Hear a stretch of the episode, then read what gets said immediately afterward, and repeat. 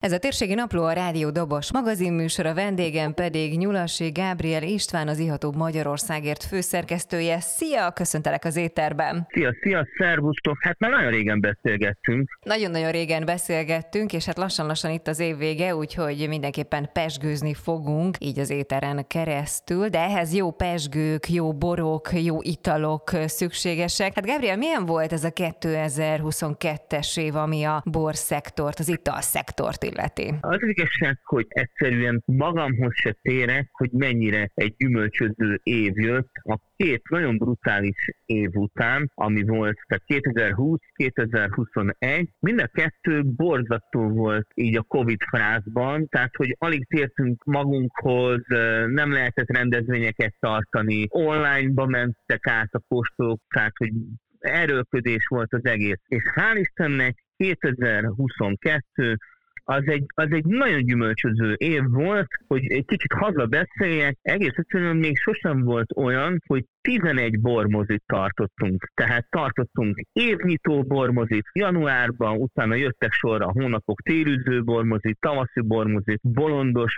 bormozit, pünkösdi, rozé, és még nyáron is sikerült a bormozit önjáróvá tenni, és kitelepíthetővé bárhova, tehát az ország egész területére el tudunk utazni, és éppen nyáron villányba mentünk át a Jakfal pincészethez, és ott tartottunk egy fantasztikus hangulatú bormozit. Aztán folytattuk őszi bormozi, magvető bormozi, évzáró bormozi. Az évzárást azt mindig hagyományosan novemberben szoktuk tartani, de egyszerűen akkora flash volt, akkora vibe volt a bormozinak, hogy tovább csúsztunk, és mondtuk, hogy akkor legyen egy decemberi álombormozi, amit nem is olyan régen tartottunk meg, és szintén nagyon jól sikerült. A rendezvények is óvatosan elkezdődött a 2022-es esztendő, tehát volt egy fehérvári bormustra, az volt nagy kitörés a Covid-ből mondhatni, mert egész egyszerűen már nagyon régen tapasztaltunk olyat, hogy annyi ember egy helyen, január idusán, és aztán jöttek a, a Strázsa hegyre mentünk Monóra kirándulni, Bölcskén, ahol édesapám született, ott voltam egy borversenyen, rendszeresen járok oda bírálni februárban. Szóval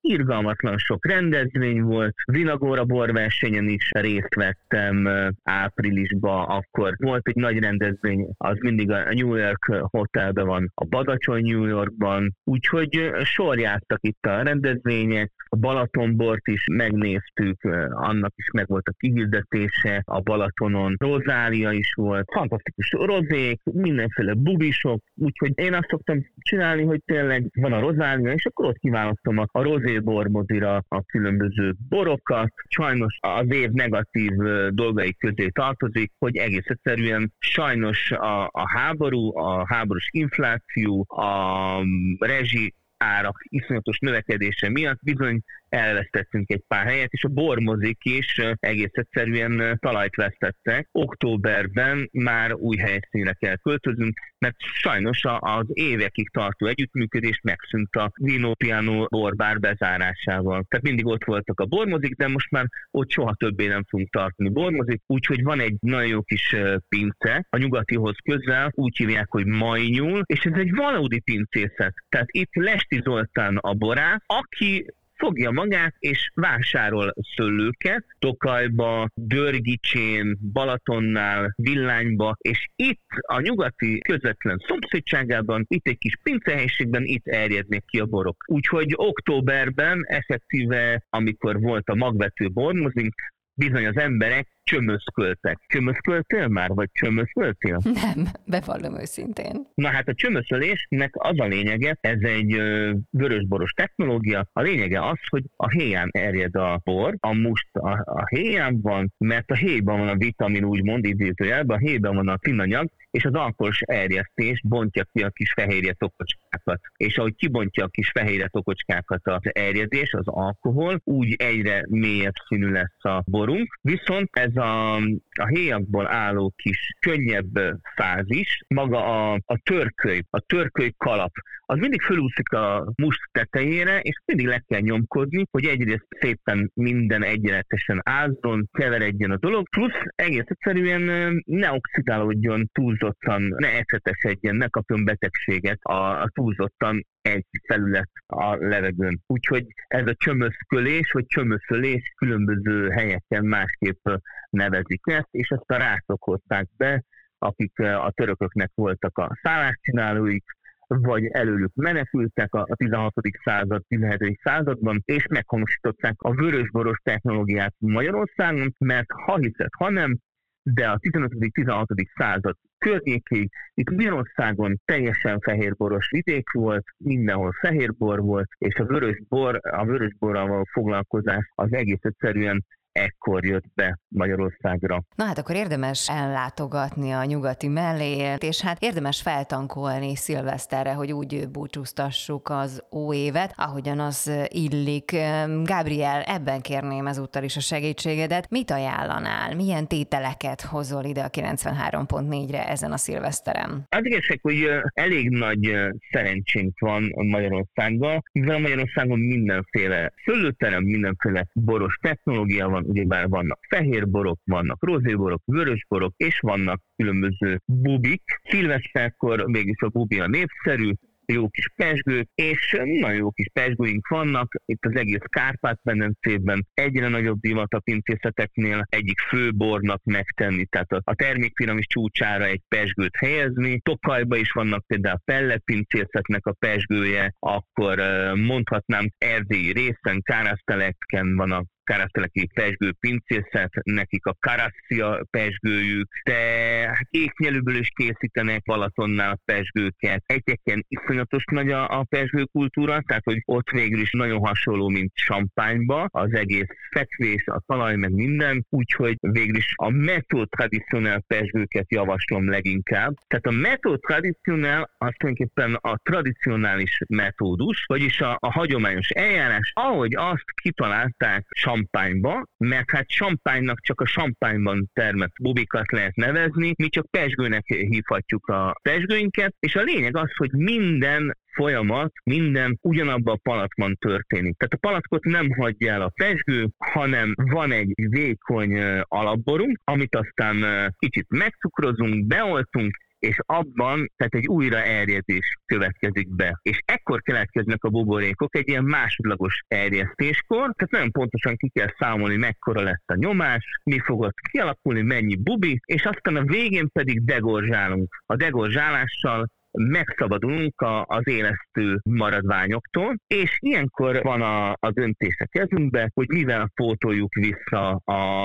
a hiányzó bort, pesgőt, tehát ilyenkor vagy egy kis cukros pesgő kerül vissza, és ilyenkor lesz cukortartalma a pesgőnek, ami nem Istentől való elrugaszkodás, hanem tényleg a pesgők ezáltal egy nagyobb testet nyernek, jobban kiegyensúlyozva lesznek, és tovább eltarthatóak, vagy pedig azt mondjuk, hogy csinálunk egy teljesen nyers pesgőt, akkor ö, van egy olyan palack, amit arra használunk föl, hogy visszatöltsük a pesgőket, és azzal egészítjük ki, és akkor beszélünk egy csontszáraz nyers pesgőről. De a pesgőknek tényleg tehát van a dry, extra dry, a brüt, ezeknek mindegyiknek megvan a maga tólik cukorfoka, ezek egymásba is csúsznak egy kicsit. Olyan fontos tehát, hogy milyen a, a bubi szerkezet, legyen minél finomabb bubi szerkezet, és nagyon fontos, hogy milyen rétegei vannak annak pesgőnek. Tehát, hogy van egy ilyen kis kekszes tóztosság, vannak finom gyümölcsök az illatba, úgyhogy egy pesgő is nagyon-nagyon sok réteget ölelhet föl, de természetesen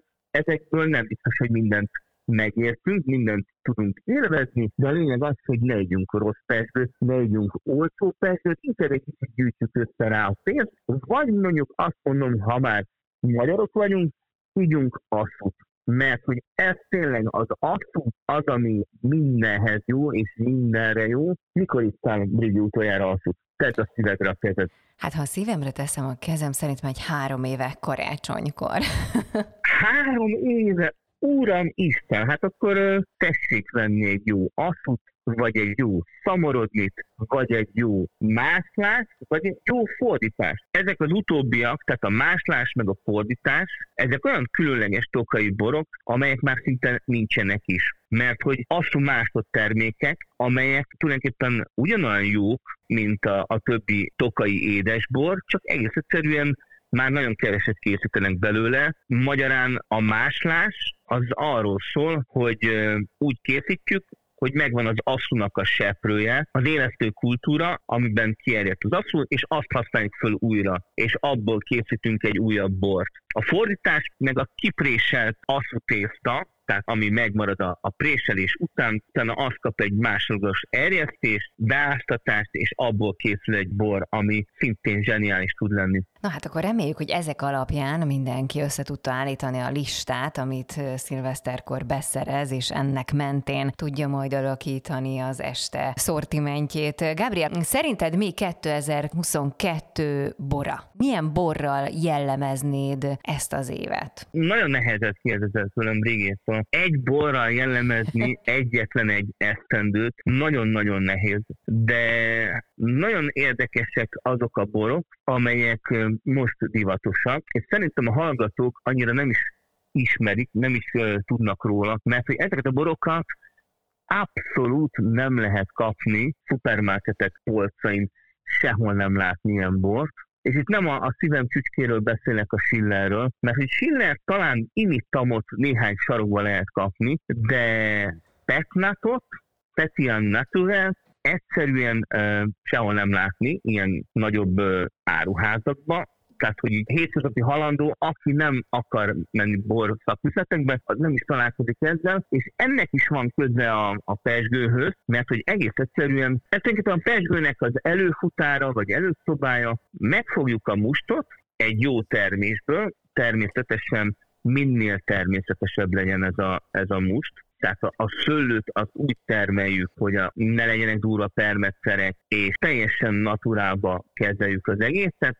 és lepalackozzuk a mustot, és egy koronazára, ami úgy néz ki, mint egy sörös kupak, azzal zárjuk le az üveget. És utána ebben a palacban a koronazár védelmében kierjed a bor. És benne marad minden. Benne marad a seprő is, benne marad a bubi is, és nem veszünk el belőle semmit, és nem adunk hozzá semmit. Ezáltal egy tényleg egy annyira természetes ital keletkezik, ez a petnat, Gondolom még nem ittál petnatot. Hát képzeld el, hogy nem régiben ittam a barátaimmal petnatot, és szuper élmény volt, mindenkinek csak ajánlani tudom. Nagyon óvatosan kell bontani. Óvatosan kell bontani. Mert hogy, mert hogy irgalmatlan nyomások lehetnek, és soha nem tudhatod, hogy egy petnátban mekkora nyomás gyűlt össze. Tehát konkrétan, amikor én az első petnátomhoz hozzájutottam, és gondoltam, ó, hát végül is sörös kupak maradt, tehát ezt majd megciccentem egy kicsit óvatosan megfeszítgettem, most ehhez képest az óvatos feszítgetéssel